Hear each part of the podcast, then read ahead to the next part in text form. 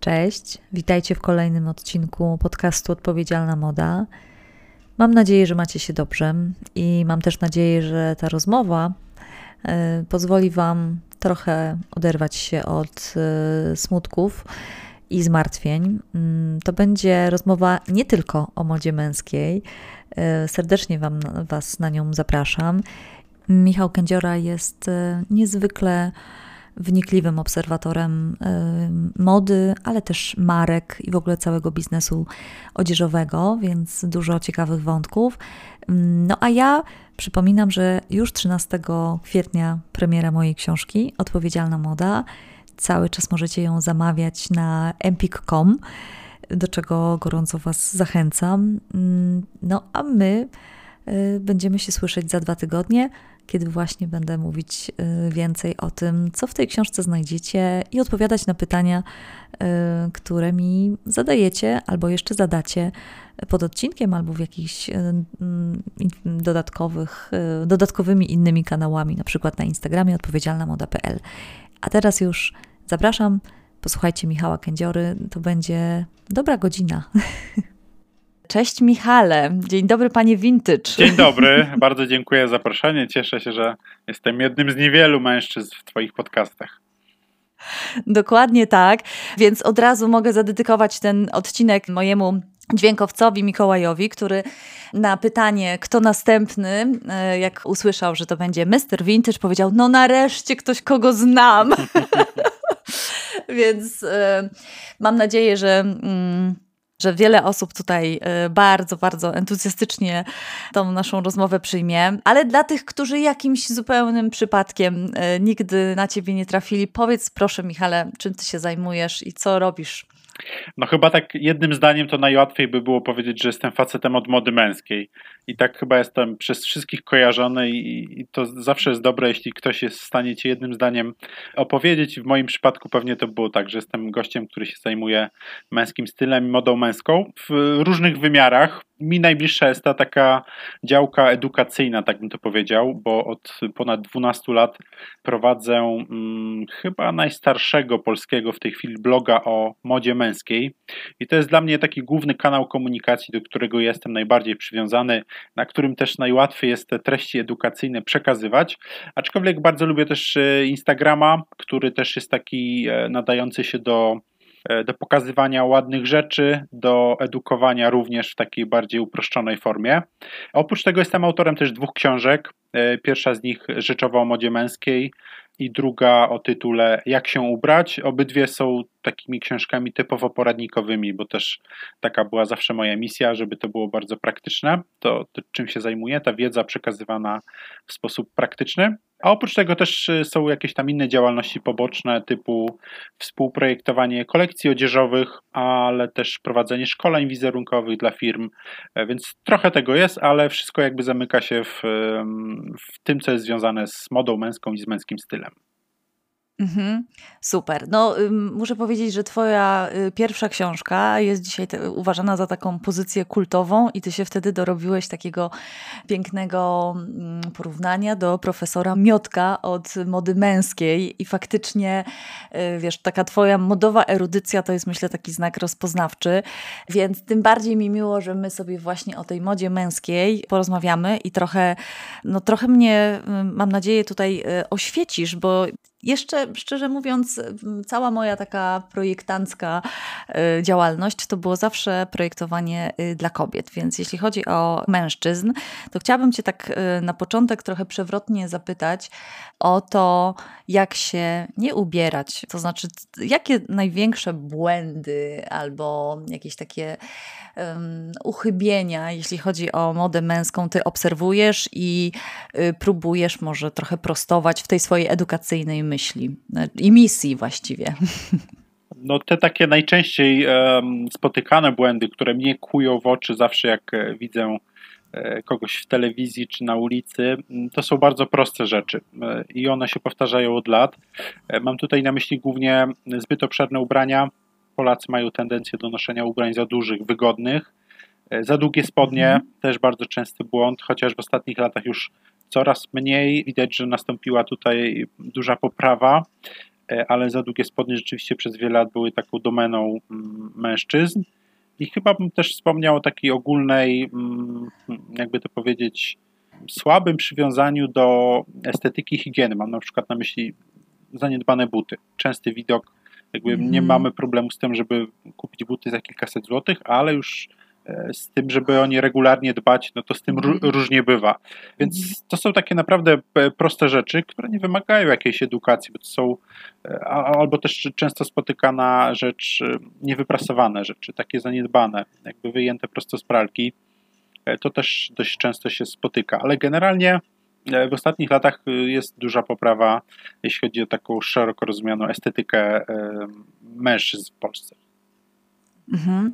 No właśnie, bo to się y, zmienia i widać nawet po y, takiej proporcji sklepów z modą męską i z modą damską. I zresztą raporty też o tym mówią, że ta moda męska i oferta skierowana do mężczyzn trochę rośnie, rośnie w siłę, więc no, marki odzieżowe próbują, dbając o swoje nieustanne wzrosty, teraz trochę przenieść ten punkt ciężkości. I tutaj takie moje kolejne pytanie, czy mężczyźni Twoim zdaniem zdaniem e, są w Polsce gotowi jakoś bardziej otwarci na, e, na nowości, na w ogóle na modę, na trendy, bo ja bardzo często w tym duchu mody odpowiedzialnej yy, idę z tym takim postulatem, żebyśmy my kobiety trochę przestały za trendami gonić. Natomiast mężczyźni mam, mam wrażenie nigdy nie zaczęli, ale może się mylę, więc chciałam cię zapytać, jak z perspektywy twojego wieloletniego blogowania ten stosunek do mody u mężczyzn się zmieniał? Rzeczywiście zgodzę się z tym, że ta moda męska e, i samo podejście facetów do mody e, nie jest takie hmm, typowo modelowe jak w modzie, że co sezon coś tam byśmy chcieli mhm. zmieniać. Jest takie bardziej mhm. ponadczasowe i z, z, z, moich obserwacji wynika rzeczywiście tak jest, że faceci lubią coś kupić mm, lepszej jakości, coś co będą mogli nosić kilka lat, kilka sezonów. E, jakby nie mają takiej potrzeby zmieniania co sezon czegoś, kupowania nowych kolorów, nowych fasonów. Ta moda męska jest taka bardziej przewidywalna, to na pewno. I klienci też, też mam takie wrażenie. Ale z drugiej strony jest młodsze pokolenie, powiedzmy, że od y, przedziału kilkunastu lat do dwudziestu kilku, e, pokolenie, które mocno stara się adaptować to, co widzi na Instagramie, w social mediach. I oni są bardziej podatni na te trendy. Natomiast jeśli mówimy o facetach trochę starszych, czyli powiedzmy powyżej 25 lat, to z moich obserwacji wynika, że nie ma takiej potrzeby gonienia za tymi trendami. Zresztą my jako faceci wydaje mi się, że mamy trochę łatwiej, bo ta moda męska ona nie jest tak, nie zmienia się tak szybko. Nie mam na myśli tutaj wyłącznie tej mhm. naszej, rodzimej, polskiej, ale, ale ogólnie moda światowa, męska nie ma takiej szybkiej zmiany kolorystyki, fasonów, nie ma rewolucyjnych zmian. To jest bardziej ewolucja niż rewolucja. W modzie damskiej mam wrażenie, że to jest takie częste prześciganie się projektantów mhm. marek proponowaniu ciągle czegoś nowego, po to, żeby napędzać y, tą maszynkę, żeby klientki cały czas miały wrażenie, że to, co kupiły pół roku temu, już jest niemodne, pora się tego pozbyć, kupić coś nowego. Wydaje mi się, że mężczyźni po pierwsze nie są podatni na takie mm, działania, a po drugie też nie mają specjalnie potrzeby ciągłego wymieniania y, ubrań i podążania za tymi trendami. Mhm. No, was kultura czy społeczeństwo y, socjalizuje do tego, by robić wrażenie y, intelektem, zamożnością, prestiżem. Natomiast y, małe dziewczynki od dziecka są chwalone za to, że są śliczne, ładnie ubrane i tak dalej. No i pewnie potem rośniemy i kolejne pokolenia rosną w takim przekonaniu, że kobieta najpierw ma wyglądać, a potem zająć się całą resztą, a u mężczyzny często ten wizerunek jest właściwie taką e, wisienką na torcie i są na to badania e, i różne eksperymenty e, naukowe i paranaukowe, które potwierdzają to, że na przykład mężczyzna, jeden z dziennikarzy australijskich ubierający się przez rok w ten sam garnitur w zasadzie nie został przez nikogo skrytykowany, natomiast jego koleżanki po fachu nieustannie spotykały się z taką oceną, a to fryzura fryzury, a to makijażu, a to właśnie koloru i tak dalej. Więc niewątpliwie ta presja jakby jest mniejsza i ta pogoń za, za trendami jasne, ale powiedziałeś ważną rzecz w kontekście tej jakości. No bo my dzisiaj, jeśli chcemy trochę modę spowolnić, będziemy jeszcze pewnie sobie ten kawałek eksploatować wspólnie, no to stawianie na jakość i na ponadczasowość jest czymś super, więc fajnie, że facetów nie trzeba na to nawracać, bo macie to trochę w DNA. Ale pojawiają się mm, takie głosy, że jakość cały czas spada, chociaż jakość męskich rzeczy ciągle jest wyższa. Więc chciałam Cię zapytać, czym właściwie jest ta jakość dzisiaj, jak Ty ją rozumiesz, a potem pewnie nawiążemy do, i trochę się wyzłośliwimy na reklamowych hasłach dotyczących jakości u bardzo zadziwiających marek, które byśmy pewnie nie, nie podejrzewali o, o dobrą jakość. Więc czym dla Ciebie jest ta jakość w modzie męskiej? Myślę, że można by tutaj takie trzy główne jakby kategorie wyodrębnić. Dla mnie najważniejszym takim cechą ubrania dobrej jakości y, czy akcesorium, bo można też o butach mówić, mhm. Y, jest surowiec, z którego to zostało wykonane. Czyli nie wiem, w przypadku ubrań tkanina lub dzianina. Ona moim mhm. zdaniem w największym stopniu decyduje o tym, czy my to ubranie pokochamy, jak to ubranie się będzie zachowywać z upływem czasu, i jakie ono będzie mieć takie czysto techniczne właściwości, czy, czy nasz organizm będzie w tym dobrze oddychał. Takie cechy, o których czasem w ogóle nie myślimy, a później one są kluczowe e, do tego, czy to mhm. ubranie nosimy, czy ono leży w szafie i po, po, paru latach je wyrzucamy. E, więc e, dobra tkanina, dobra dzianina to jest dla mnie jakby podstawa ubrania dobrej jakości. To bez wątpienia jest takie kryterium numer jeden. Mhm. I jakby po tylu latach moich doświadczeń, bo ja wcześniej też pracowałem w branży odzieżowej, no mam ten, ten plus, że jestem w stanie w, w ułamek sekundy czy w sekundę e, rozpoznać, czy dany produkt, nie patrząc nawet na metkę producenta, czy to jest mhm. dobra tkanina, czy dobra dzianina. I ona rzeczywiście później sprawia, że z przyjemnością to nosimy, to się dobrze pierze, dobrze nosi, dobrze prasuje, to o tym często zapominamy, a to jest taka cecha, która e, z moich doświadczeń wynika, że często było tak, że kupowałem koszulę, która mi się podobała, ale jej mhm. prasowanie było koszmarem i ona później no, przestaje być noszona, e, prawda? Tak, Gdzieś przestaje tam... być noszona i się jej pozbywałem. E, mhm. Więc dobra tkanina też daje się łatwo prasować i daje rzeczywiście później przyjemność znoszenia. Podobnie jest, podobnie jest z dzianinami, że ona dobrze znosi upływ czasu, nie mechaci się. Mhm. I to są jakby dla mnie podstawa, czyli dobra tkanina, do, dobra dzianina. O dobrej jakości bez wątpienia można też mówić, jeśli chodzi o wykończenie, bo tkanina, mhm. e, jakość tkaniny dzianiny kluczowa, ok, ale ważne też jest to, jak to jest odszyte. Czy szwy są starannie, staranne, proste, jak, w jaki sposób wykańczane są te szwy. Czy to jest zwykły, tani overlock, czy jednak coś bardziej estetycznego, bo to też świadczy o tym, że dana firma wie, jak to zrobić i nie oszczędza na tym, e, mhm. albo chce zrobić coś, co z zewnątrz wygląda dobrze, ale jak tak. spojrzymy do środka do ubrania, przyjrzymy się, jak są wykończone kieszenie, podszewki i tak dalej, to nagle może się mhm. okazać, że to, co z zewnątrz wygląda całkiem fajnie, premium, a w środku okazuje się, że tam producent chciał zaoszczędzić kilkadziesiąt centów czy kilkanaście złotych na, na kilka złotych w zasadzie na odszyciu tego staranniej. E, mhm. I trzecia rzecz, którą też z jakością można powiązać, aczkolwiek mniej istotna może, e, no to projekt dobrej jakości, czyli to, czy dane, dana rzecz dobrze wygląda, bo to też e, moim zdaniem można zamknąć w tym, w tym kryterium jakościowym, czyli to, czy mhm coś będzie znosić dobrze upływ czasu, czy to jest rzecz taka, która nam się podoba przez miesiąc, a później absolutnie już uważamy coś za, mm, za nie bardzo modnego. Mhm. Więc wydaje mi się, że dobry projekt, to co oceniamy oczami, też można zaliczyć do kategorii dobra jakość. Więc te trzy takie podstawowe cechy jakość tkaniny, dzianiny, jakość odszycia i, i projekt, czyli design danego produktu. Mm-hmm. No i powiedz, czy z perspektywy y, czasu i doświadczeń ty jesteś w stanie uwierzyć, że ta wysoka jakość y, jest dostępna za niskie pieniądze? Bo sam ostatnio udostępniałeś taką stronę naszego ulubieńca Pepko, albo raczej ulubieńca Polaków i no i tam właśnie tym sloganem reklamowym była jakość. No więc czy jest możliwa jakość za grosze albo za, za kilka, czy kilkanaście, czy nawet kilkadziesiąt złotych? Mm, jeśli mówimy o rzeczach używanych, drugiej Aha. ręki, to z pewnością tak. To jakby bez większych problemów można znaleźć produkty Jasne. jakościowe w takich cenach, o jakich mówimy. Natomiast jeśli mówimy o produktach nowych, no to nie oszukujmy się, że bluza mm, męska za 30-40 zł będzie produktem jakościowym. Absolutnie nie ma, nie ma takiej możliwości, żeby w tej cenie mm, kupić dobrą dzianinę, uszyć ją w fabryce, która płaci godne pieniądze swoim pracownikom, dostarczyć to do sklepu, sprzedać to w sklepie, zapłacić godnie pracownikom tego sklepu. Więc to jest masa kosztów po drodze, które jeśli byśmy to rozłożyli, rozpisali sobie, no to okaże się, że gdzieś tam każda, e, każda ta osoba, która jest na tej ścieżce od wytworzenia produktu do sprzedaży, no dostaje jakieś śmieszne pieniądze, więc jakby nie oszukujmy się, że, że bluza, e, za którą w sklepie mielibyśmy zapłacić 30-40 zł będzie dobrej jakości. Więc oczywiście e, cena może być pewnym wyznacznikiem tego, czego możemy się spodziewać po danym produkcie.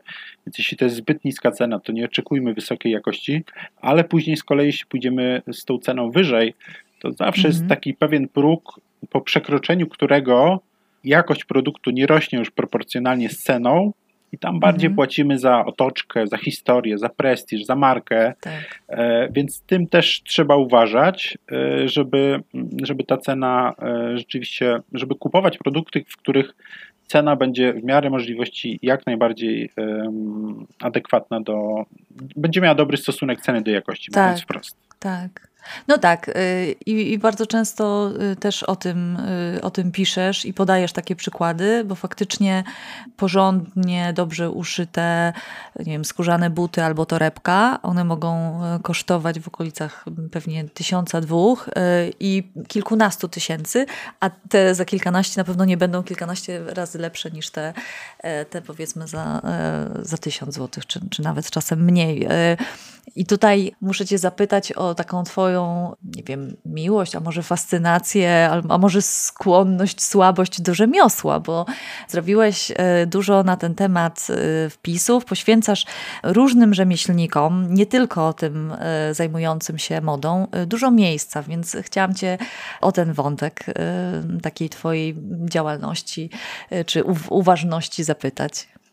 No cieszę się, że to zauważyłeś, bo rzeczywiście jako Polacy mieliśmy bogate bardzo tradycje takie rzemieślnicze. W zasadzie w każdym w każdej grupie produktowej, która jakoś tam mniej lub bardziej związana z modą, mhm. mówimy tutaj o butach, o szyciu garniturów, koszul, e, ale też akcesoria skórzane, typu rękawiczki, e, za, zawód rękawicznik. Dzisiaj w mhm. zasadzie, jeśli kogoś młodego byśmy no. spytali, to by szer zrobił szeroko otwarte oczy tak. i powiedział, jak to? Przecież rękawiczki się kupuje w galerii handlowej czy w sklepie tak. internetowym, a kiedyś jakby standardem było to, że się szło do małej pracowni, rękawicznik odrysowywał dłoń, wspólnie wybierało się skórę, podszewkę i wszystkie detale się ustalało i powstawała jedna, jedyna sztuka. I wiele było takich mhm. zawodów, które no, wyginęły bezpowrotnie albo stały się totalnie niszowe. Na szczęście w ostatnich latach coraz więcej mówi się o, o tych zawodach rzemieślniczych. Trudno powiedzieć, czy można mówić o renesansie. Na pewno nie, bo wielu z tych fachowców już dawno nie ma na rynku.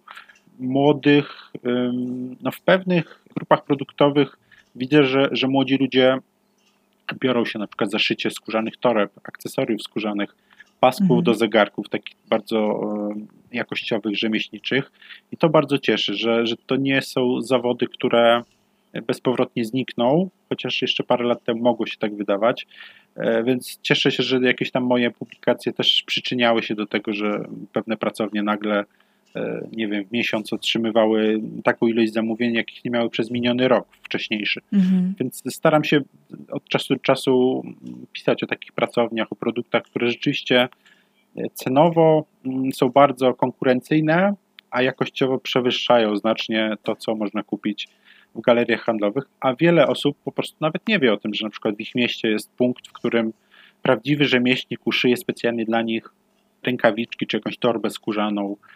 Więc ja mhm. jak najbardziej jestem wielkim fanem takiej działalności. Jeśli tylko mogę, to staram się ją wspierać. Mhm. Myśmy się nauczyli, y, że właściwie wszystko, czego potrzebujemy, znajdziemy w galeriach handlowych, albo nauczono nas tego, prawda? Więc właściwie te ulice miejskie ulice, one, one pewnie razem z tymi rzemieślnikami po prostu umarły albo stały się takimi deptakami pełnymi tylko banków i aptek właściwie i trochę restauracji. E, więc mnie się marzy, żebyśmy wyszli z tych galerii i wrócili, wrócili do centrów miast i trochę je ożywili też e, od tej takiej strony właśnie rzemieślniczo-handlowej, żeby, żeby to nie było już, już zawsze to jedno miejsce, w którym my mamy stały repertuar marek i takie wydeptane dobrze e, ścieżki. Ale tutaj, wiesz, po drugiej stronie tych takich rzemieślniczych, naprawdę cudownych miejsc jest coś, na co y, jesteśmy z kolei nabierani, czyli ten mit.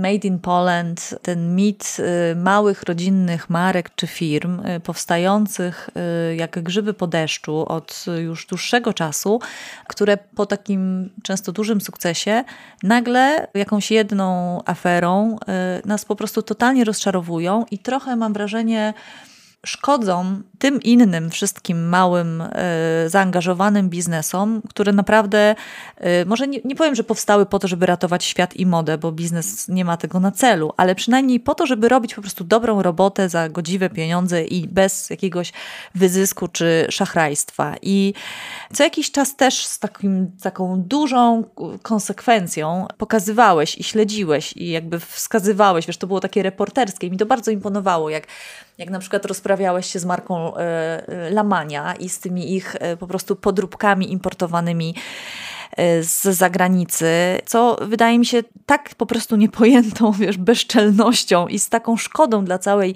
tak zwanej mody polskiej, że chciałabym, żebyśmy też powiedzieli o tej drugiej stronie medalu, bo, bo tutaj też się jakby nie szczypiesz i co mi się bardzo podoba.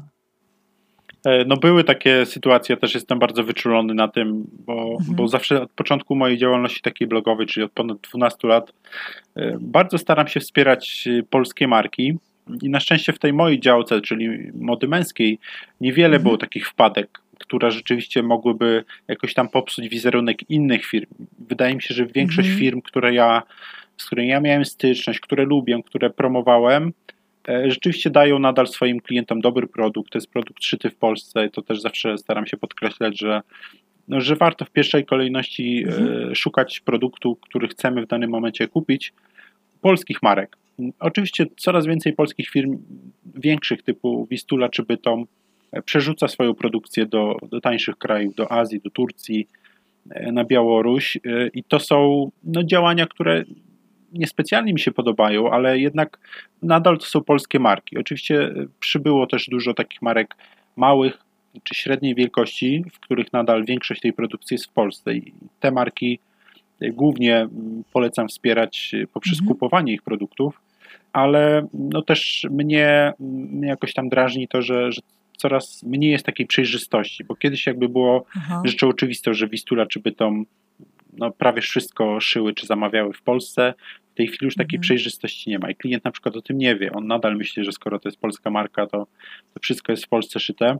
A niestety mhm. jakby pogoń za niską ceną, e, za nieustannymi promocjami, to jest taka pętla, w którą wpadło wiele mhm. tych dużych marek, sprawiła, że oni no, musieli gdzieś szukać tych niskich kosztów i zaczęli przerzucać tę produkcję do, do innych tańszych krajów i, i no, w tej chwili to już nie jest takie przejrzyste, jak jeszcze parę lat temu, że te duże e, męskie marki rzeczywiście miały sporą część produkcji ulokowanej w Polsce. Mhm.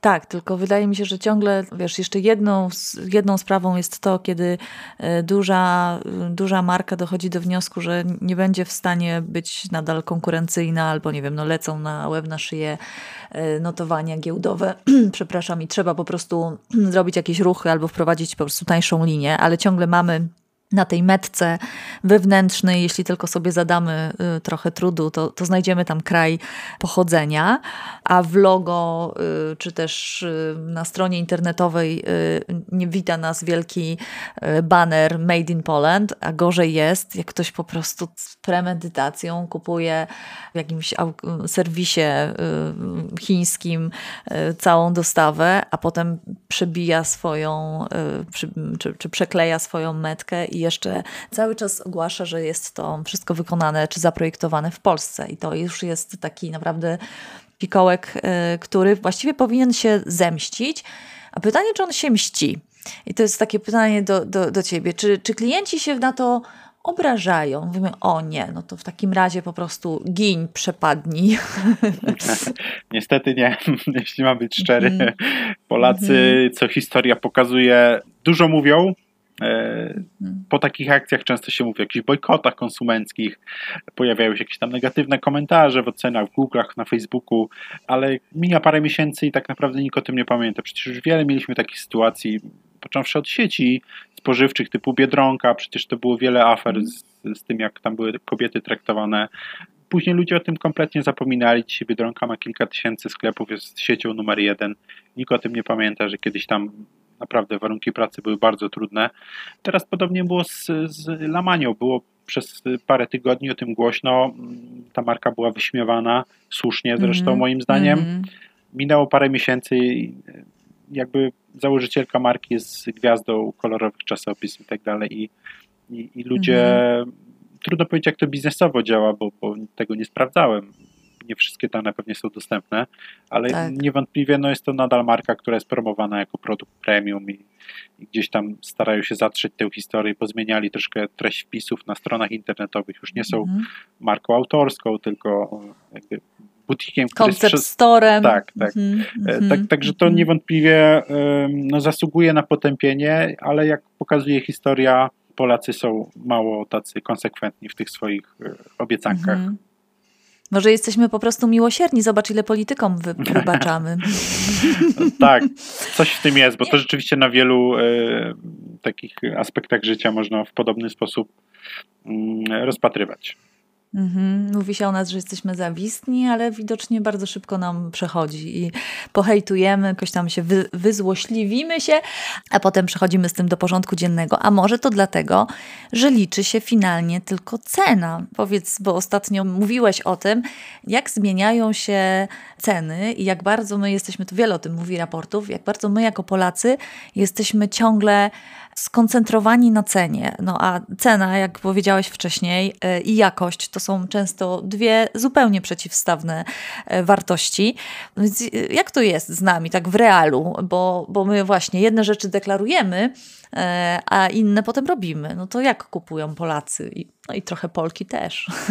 Rzeczywiście ta cena jest bardzo istotna, szczególnie jeśli mówimy o takich produktach i pierwszej potrzeby, czyli na przykład jedzenia, ale też nie pierwszej potrzeby, czyli właśnie ubrania, bo już wiele było badań z polskiego rynku, w których wyraźnie było widać, że cena jest najważniejszym albo jednym z najważniejszych czynników, jeśli chodzi o, o wybór danej marki czy produktu.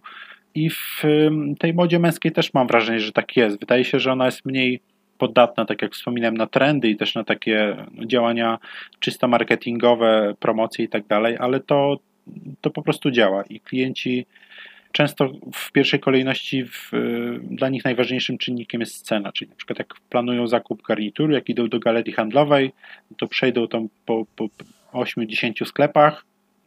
Często jest tak, mhm. tak, że wracają tam, gdzie ta cena była najkorzystniejsza. Akurat garnitur może nie jest najlepszym przykładem, bo to jest taki ubiór, na którym często nie oszczędzamy, jeśli mówimy o mhm. uroczystościach typu ślub własny tak. czy własnego syna, to to jest może nie najlepszy przykład, ale na przykład y, t-shirty czy bielizna, mm. no to są już takie rzeczy, gdzie ta cena jest rzeczywiście no, priorytetem i często jest tak, że klient wybiera rzecz najtańszą.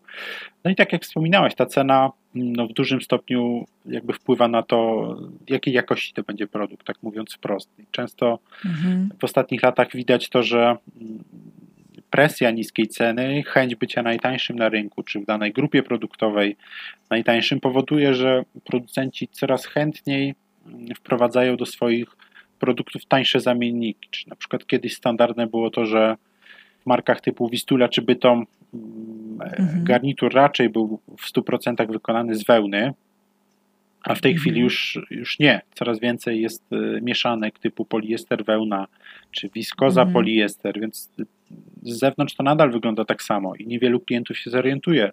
Niewielu klientów mhm. spojrzy na metkę albo nie będzie miało świadomości, że poliester czy wełna no to będą zupełnie inne właściwości tego produktu, mhm. cechy użytkowe, bo dla niego najważniejsze będzie jak to wygląda, jaka to jest marka, jaką to ma cenę.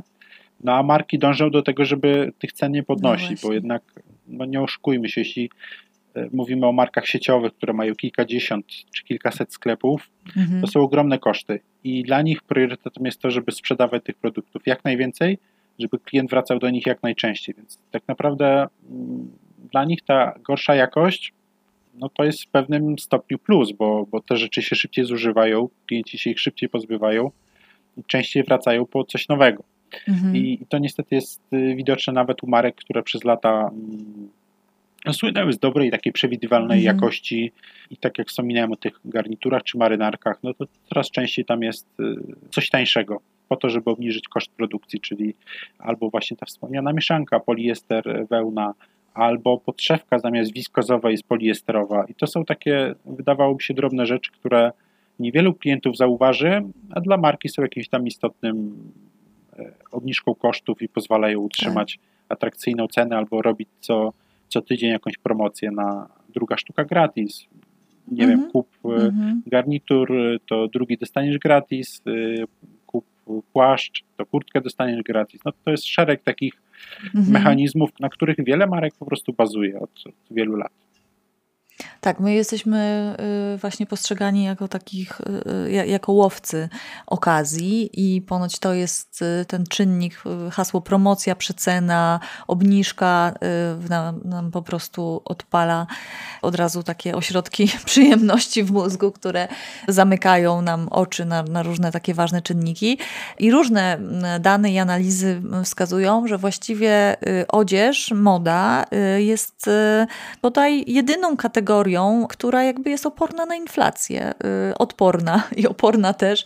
Y, I w zasadzie te ubrania y, nie drożeją i w ogóle nie tylko ubrania, ale też dodatki. No ale warto sobie zdać sprawę z tego, co powiedziałeś, więc tak to podkreślę, że to nie jest tak, że my dalej mamy tą samą jakość za niższą cenę, bo to się znikąd nie bierze. Po prostu nagle gramatura t-shirtów jest niższa, nagle udział poliestru jest większy, a fabryka z Chin przenosi się do, e, czy produkcja z Chin przenosi się do Bangladeszu i nie robią tego już dorośli, tylko na przykład e, dzieciaki, więc za tą ceną niską idzie cała masa rzeczy.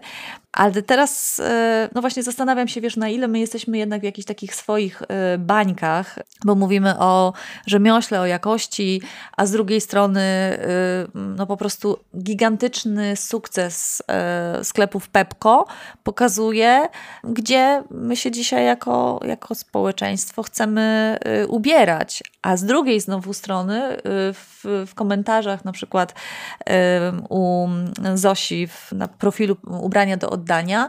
Czytałam takie głosy, kiedy ktoś mówił, no ale dlaczego mam tam nie kupować, skoro tylko tam stać mnie na ubranie, bo ja y, przy małych dzieciach co pranie decyduje, co prać, a co wyrzucać. I wtedy myślę sobie, kurczę, czyli y, kogoś musi być stać na to, żeby właściwie po jednym czy po dwóch mm, użyciach wyrzucać rzecz, bo nie przyjdzie mu pewnie do głowy, że są takie miejsca, w których te nawet te dziecięce spodenki mogłyby jeszcze przejść z, nie wiem, z, ze starszej siostry na młodszą, a to się przecież udaje. Więc niesamowite jest to, jak myśmy się y, dali jakby omamić y, ceną. Ale jest na to mm, sposób, tak jak wcześniej wspomniałeś, czyli drugi obieg. I chciałam Cię zapytać, y, bo to jest, jeśli chodzi o modę męską, jakieś takie, mam wrażenie, ciągle tabu. Mm, mój osobisty rodziciel, tato, on sobie na przykład zupełnie nie wyobraża. To jest też takie, wiesz, pokolenie urodzony w latach 50., e, więc e, no rozumiem mm, bardziej niż tych współczesnych facetów, ale myślę, że bardzo wielu mężczyzn ma z drugim obiegiem jakiś kłopot, dużo większy niż kobiety, więc chciałam Cię zapytać, czy panu od mody mieści się kupowanie w drugim obiegu w głowie? No ja jeśli, to czego? Tak, ja powiem szczerze, że jak zaczynałem prowadzenie bloga, to jakby większość mojej szafy e, to była właśnie z drugiego obiegu. No, głównie wynikało to z, jakby z ograniczeń finansowych, ale też z tego, że miałem świadomość, że tam e, można fajne rzeczy znaleźć. Dzisiaj, po, po tych 12 latach, ten rynek odzieży z drugiej ręki trochę inaczej wygląda. Już nie tak mhm. łatwo znaleźć takie fajne rzeczy, jakie ja wtedy e, znajdowałem, ale, e, ale to nie oznacza, że, że jest źle i że należy takie miejsca omijać. Wręcz przeciwnie.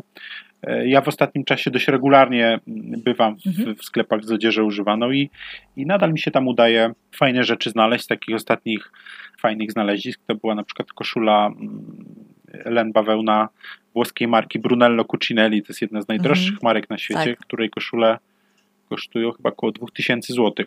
No a mi się je udało mhm. kupić za 7 czy 8 zł, więc nadal można te, takie rzeczy mhm. znaleźć. Oczywiście trzeba mieć pewną wiedzę, cierpliwość, wiedzieć, jak te produkty wyszukać, bo często jest tak, że znikają w pierwszej kolejności marki, które wszyscy znają, typu Tommy Hilfiger, Ralph Lauren e, i te tak. wszystkie inne z segmentu premium czy pseudo premium, a marki takie totalnie niszowe właśnie, jak ta, o której wspominałem, czy e, jeszcze parę, parę tygodni wcześniej na przykład dwa prawie nowe krawaty włoskiej marki Marinella, które też kosztują w sklepie około 800 zł. Ja kupiłem za 2 zł, więc to są. Mhm. E, no, trzeba troszkę takiej wiedzy mieć, e, znajomości tych marek i naprawdę piękne rzeczy tam można znaleźć. No mhm. i co, co najistotniejsze w tym całym kupowaniu, czy w bywaniu w takich miejscach, no to sam fakt, że kupujemy rzecz, którą, e, za którą płacimy niewiele, to oczywiście cena, to jest pierwsza rzecz. Mhm. Dwa, że to są często marki, których w Polsce nie ma sprzedaży, tak jak te, o których przed chwilą mhm. wspominałem. I trzecia rzecz to są rzeczy jakościowe. Oczywiście pomijam mm, ogromną ilość towaru, która w tej chwili trafia do second handów marek typu Zara, H&M, no Pepco też czasem widuję. To też pokazuje, że e, że jakość tego towaru w second handach też niestety spada. spada. No bo ten towar mhm. trafia on tam z rynku pierwotnego. Na rynku pierwotnym tak. jest coraz więcej towaru gorszej jakości, więc on prędzej czy później trafi do second handów ale e, moim zdaniem warto, warto tam szukać i wydaje mi się, że podejście mężczyzn też w ostatnich latach zmieniło się. Kiedyś rzeczywiście, mhm. jak, jak szedłem do dużego second handu, no to tam można było kilku e, mężczyzn zobaczyć, albo i czasem w, w, ciągu godziny, kiedy ja tam byłem, ani jednego nie widziałem. E, w tej chwili mhm. to, już, to już nie jest tak jak kiedyś, spore jest mężczyzn, szczególnie młodszego pokolenia, mhm. E, osób, które idą tam poszukać fajnych rzeczy, a nie, niekoniecznie dlatego, że ich nie stać na coś z galerii handlowej, więc to też jest jakoś tam optymistyczne, że ci młodzi mm, nie wstydzą się tam chodzić, mhm. jakby mają świadomość, po co tam idą, że nie idą dlatego, że ich nie stać, tylko dlatego, że chcą coś e, ekologicznego, bo jest to z drugiego obiegu, chcą coś nietypowego, czego nie ma w sklepach, więc myślę, że nie jest, nie jest aż tak źle, żeby za wszelką cenę trzeba było przekonywać mężczyzn do takich miejsc. Oni prędzej czy później myślę, że tam trafią. Mm -hmm. A powiedz, jeśli chodzi o ten drugi obieg, e, to co się przydaje oczywiście zawsze i wszędzie, to, to, to, znajomość y, no, ciekawych marek, umiejętność rozpoznawania składów, jakości, to wszystko o czym mówiłeś, ale czy zdarza Ci się też y, kupować y, na przykład przez internet w drugim obiegu? I w ogóle chciałam Cię zapytać w kontekście takich, wiesz, stylowych, męskich zakupów, czy Ty jesteś tą opcją, muszę przymierzyć, muszę dotknąć, czy, czy wystarczy wystarczy, że zobaczę, przeczytam opis i, i kupię w internecie, bo to mnie też y, ciekawi. E, tak, zdarza mi się kupować rzeczy z drugiej ręki z, e, wyłącznie przez internet, czyli na podstawie Aha. zdjęć, opisów. Oczywiście wtedy głównie staram się szukać e, marek, które znam, które są mhm. o takiej przewidywalnej, powtarzalnej jakości, mhm. że jakby nie ma wątpliwości, że jak to przyjdzie, to będzie nie wiem, materiał albo za sztywny, albo niestarannie wykończony od środka, coś czego na zdjęciach nie widać, więc staram się szukać swoich ulubionych marek i zazwyczaj jak y, odpalam, nie wiem, wyszukiwarkę, na przykład najpopularniejszy mhm. portal typu Vinted, y, to, mhm. to zazwyczaj zaczynam poszukiwanie od ulubionych marek, mm, a nie na okay. przykład od asortymentu, który w danym momencie potrzebuję. I, no tak. i, to jakby tam pozwala mi uniknąć wpadek. I chyba nie było ani jednej takiej rzeczy, którą bym kupił, a okazała się złej jakości, czy. Mm, oczywiście mhm. zawsze jest ryzyko związane na przykład z fasonem, z rozmiarem, z wymiarami tak. błędnie podanymi. Mm, natomiast mhm. co do jakości, chyba ani razu nie zdarzyło mi się jakiejś takiej wpadki zaliczyć, ale to pewnie wynika z tego, że staram się szukać z drugiej ręki e, marek, które ja znam i które cenię za wysoką mhm. jakość, bo uważam, że bez sensu jest chodzić do e, sklepów właśnie z, z odzieżą używaną, czy przez internet zamawiać z drugiej ręki rzeczy, które no, są słabej jakości. Mam na myśli marki mhm. typu właśnie Zara, H&M, Pull and mhm. Beer, bo, mhm. bo to są rzeczy czasem bardzo wysoko wyceniane, w, szczególnie w internecie, a mhm. za podobną cenę można mieć naprawdę fajne, niszowe marki, które mało kto zna, a które mają jakoś kilka razy lepszą. Więc y, mhm. dobry rekonesans, spisanie sobie pewnych marek, które mnie najbardziej interesują, to jest taki dobre, dobry punkt wyjścia do poszukiwania ubrań y, dobrej jakości, na przykład w internecie, ale też właśnie uniknięcie ryzyko tych wpadek, o których wspominałaś. Mhm. Tak, to są dobre, y, dobre wskazówki, y, bo rzeczywiście ta sieciówkowa jakość, no, y, ona po kilku czy kilkunastu użyciach takiego ubrania czy dodatku może już nas mocno rozczarować, więc wątpliwa radość i satysfakcja później. No i jak już powiedziałaś o swojej szafie, to ja mam takie pytanie, wiesz, na na finał trochę yy, dotyczące zmiany z jednej strony takiego Twojego myślenia o modzie, no bo jak się zajmujemy takim tematem, jesteśmy gdzieś e, zaangażowanymi użytkownikami, ale też obserwatorami mody, to na pewno przechodzimy jakieś swoje też wzloty i upadki i po prostu yy, no, zmieniamy właśnie myślenie. No i też yy, ten cały aspekt w ogóle rosnącej odpowiedzialności i takiego, takiego takiej naszej świadomości dotyczącej y, mody. Czyli chciałam Cię zapytać, jak bardzo teraz e, to, czy rzecz jest wykonana etycznie, ekologicznie, jest y, dla Ciebie ważne. To się bardzo często wiąże z, z tą jakością i rzemiosłem, o którym wspominałeś, y, ale teraz jeszcze dochodzą jakby inne wątki, o których kiedyś nie mówiło się w kontekście mody. No i na ile Twoim zdaniem jest to w ogóle temat um, obecny w takich męskich rozważaniach na temat um, i, i decyzjach w ogóle, wiesz, takich zakupowych? E, myślę, że jakość na pewno. Mm, mhm. Może ta etyczność niekoniecznie, dlatego że wiele marek mhm. E, no niestety nie jest jakoś bardzo transparentna. E, mhm. To się powoli zmienia, ale na przykład ta marka Brunello Cucinelli, o której wspominałem, mhm byłem mocno zdziwiony, bo to jest jedna z, raz, że z najdroższych marek na świecie, dwa, że w moich oczach ona była mega przejrzysta, bo, bo często czytałem mhm. wywiady z, z założycielem tej marki, niezwykły człowiek, który mhm. też wydawało mi się, że, że jest taki mega wspierający lokalną społeczność.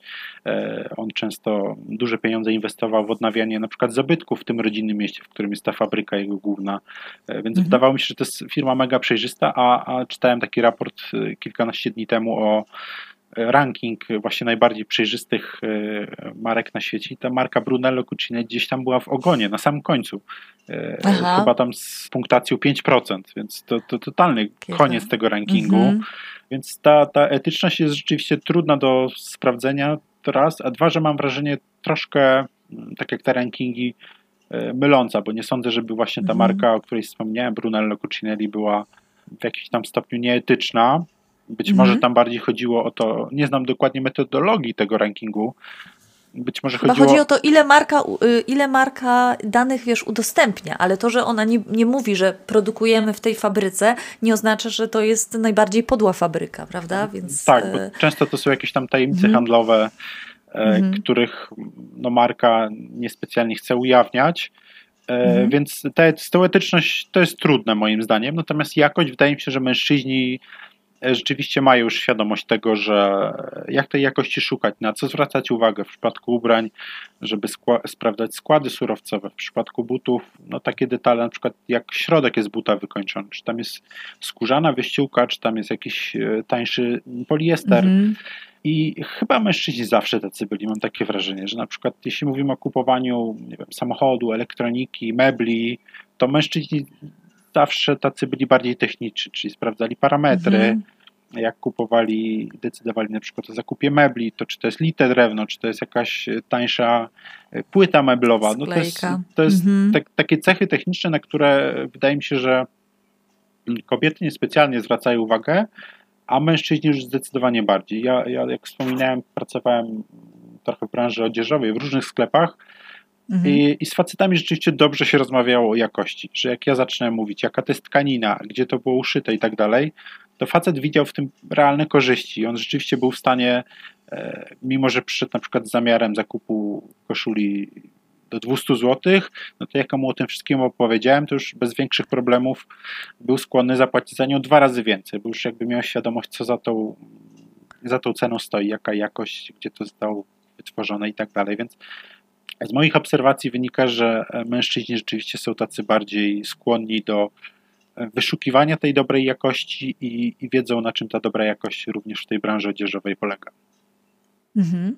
A powiedz, twoja, y, twoja szafa dzisiaj w, jakiej, w jakim procencie składa się z rzeczy z tego pierwszego i z tego drugiego obiegu i na tym takim wykresie albo na tej osi czasu, jakie największe zmiany, mm, jakby jeśli chodzi o swój styl czy stosunek do mody zauważasz? Są jakieś takie punkty zwrotne, czy to jest taki konstans i po prostu yy, bardzo duży taki spokój, czy były jakieś takie zwroty?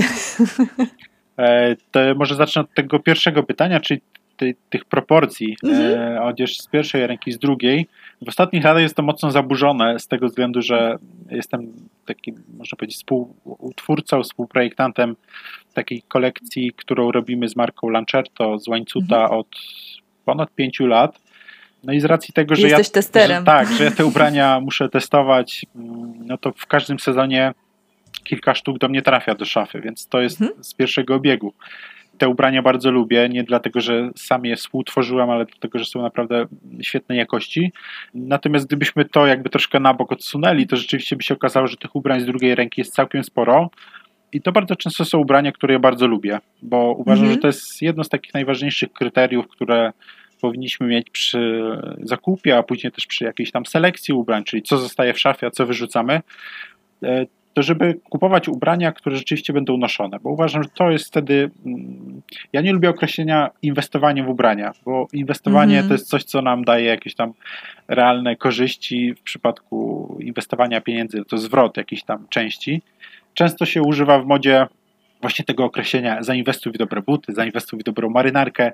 Ja mm -hmm. niespecjalnie lubię to określenie, ale uważam, że jeśli kupimy produkt dobrej jakości, to rzeczywiście on może nam służyć wiele lat Mm, więc ta cena jakoś tam się rozkłada w czasie. Mhm. Wyższa cena rozkłada się w czasie, więc jest to raz, że uzasadniony zakup, widzimy to po pewnym czasie, a dwa, że bardzo często jest tak, że te rzeczy droższe, dobrej jakości po prostu się przyjemniej nosi. Tak. Swetry, koszule, marynarki to zazwyczaj są lepsze tkaniny, przyjemne w dotyku, nie gniotą się tak szybko, łatwo się je prasuje. To jest szereg takich cech, które często zaczynamy po pewnym czasie doceniać. I te, te ubrania właśnie z drugiej ręki, które są u mnie w szafie, to bardzo często jest tak, że one są bardzo dobrej jakości. To, że ktoś je wcześniej już ileś tam czasu użytkował i mhm. ja je mhm. kupiłem w dobrym stanie, czy w idealnym stanie, to też świadczy o tym, że to jest rzeczywiście produkt dobrej tak. jakości i one dalej u mnie tam ileś lat funkcjonują. Więc sporo mam takich rzeczy, które mhm.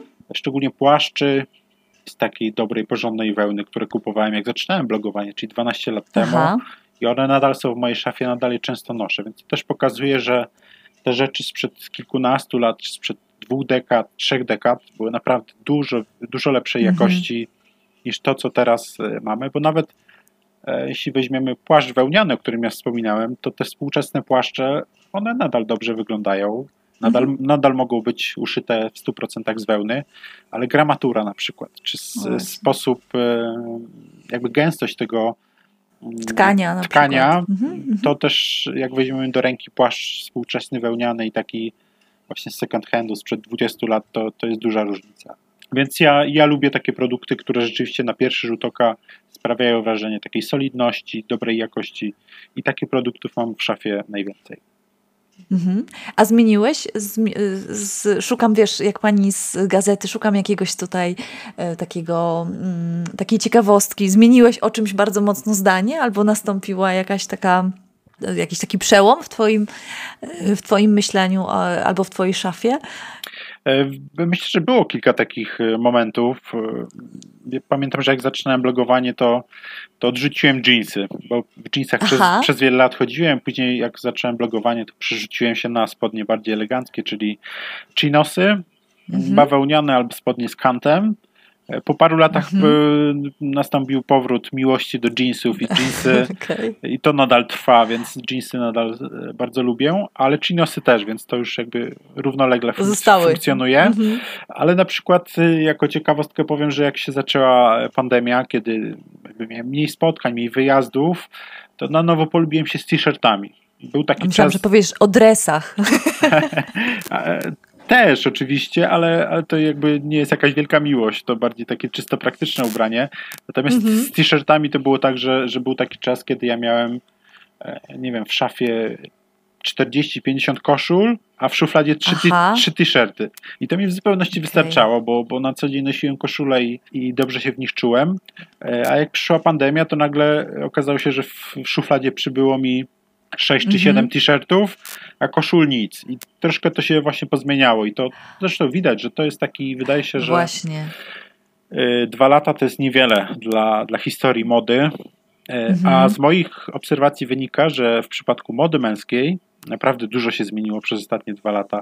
Ta moda się stała mhm. taka e, bardziej casualowa, mniej formalna. E, garnitury praktycznie zniknęły, krawaty praktycznie no zniknęły do wielu topowych marek, takich z wysokiej półki, które przez lata kojarzyły się z taką konserwatywną modą, z, z topowym, mhm. wysokiej jakości garniturem typu Brioni, Kiton, y, włoskie marki czy Zenia. Y, no mhm. nagle okazuje się, że tam u nich głównym asortymentem jest dres.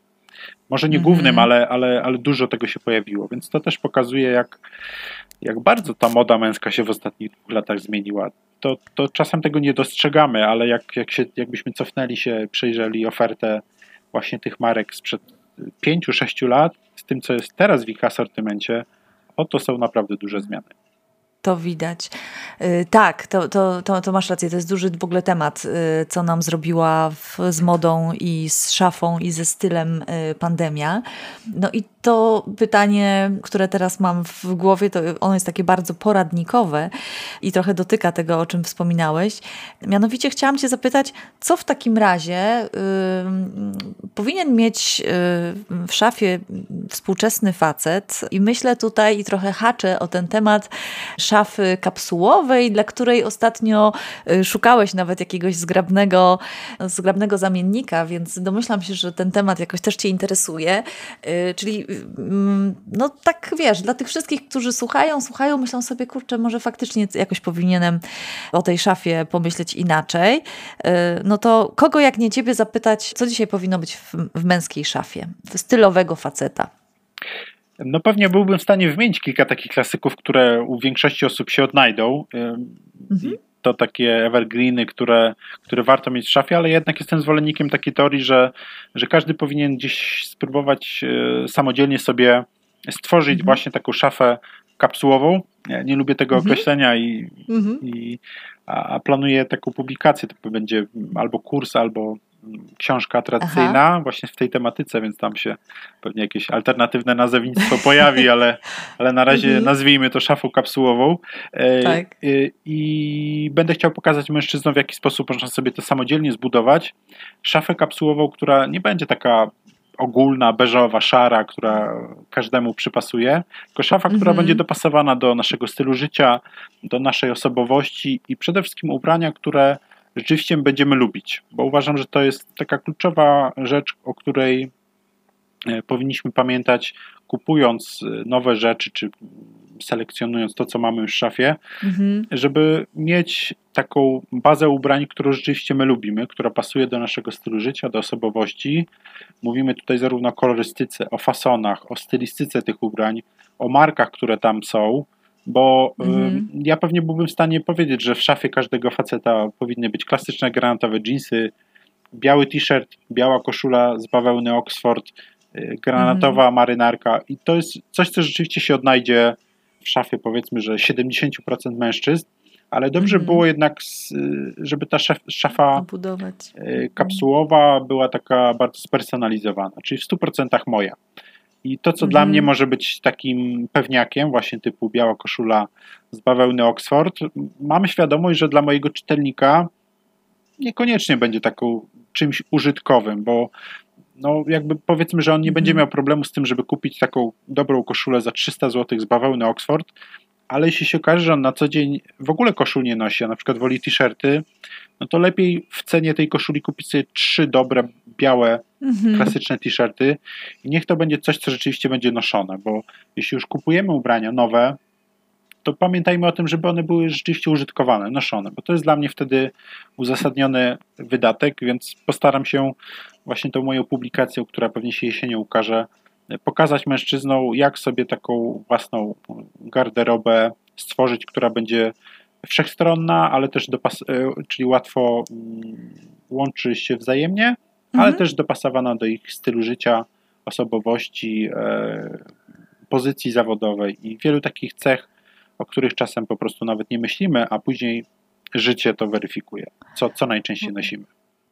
Super. No i tym sposobem, zobacz, y, mamy taki, taką zarzuconą kotwicę w przyszłość y, i zapowiedź kolejnej, kolejnej pozycji od ciebie, która myślę bardzo się przyda y, i mnie się super podoba to myślenie takie bardzo indywidualne i dopasowywanie ubrań do kontekstu, bo jak my się zaczynamy przebierać albo inspirować za, mo za, mocno, to możemy wylądować, i to dotyczy, jak widać, i mężczyzn, i kobiet, y, z, z bardzo rozbudowaną szafą, która zupełnie nie jest nasza a, i której nie lubimy. No, a jeśli zgadzamy się co do tego, że przynajmniej w kwestii ubrań fajnie byłoby mieć y, jakąś strefę komfortu i, y, i przyjemności z tego obcowania z rzeczami, na które jesteśmy wskazani, jakby nie było codziennie, no to, to tym bardziej temu, y, temu przyklaskuję.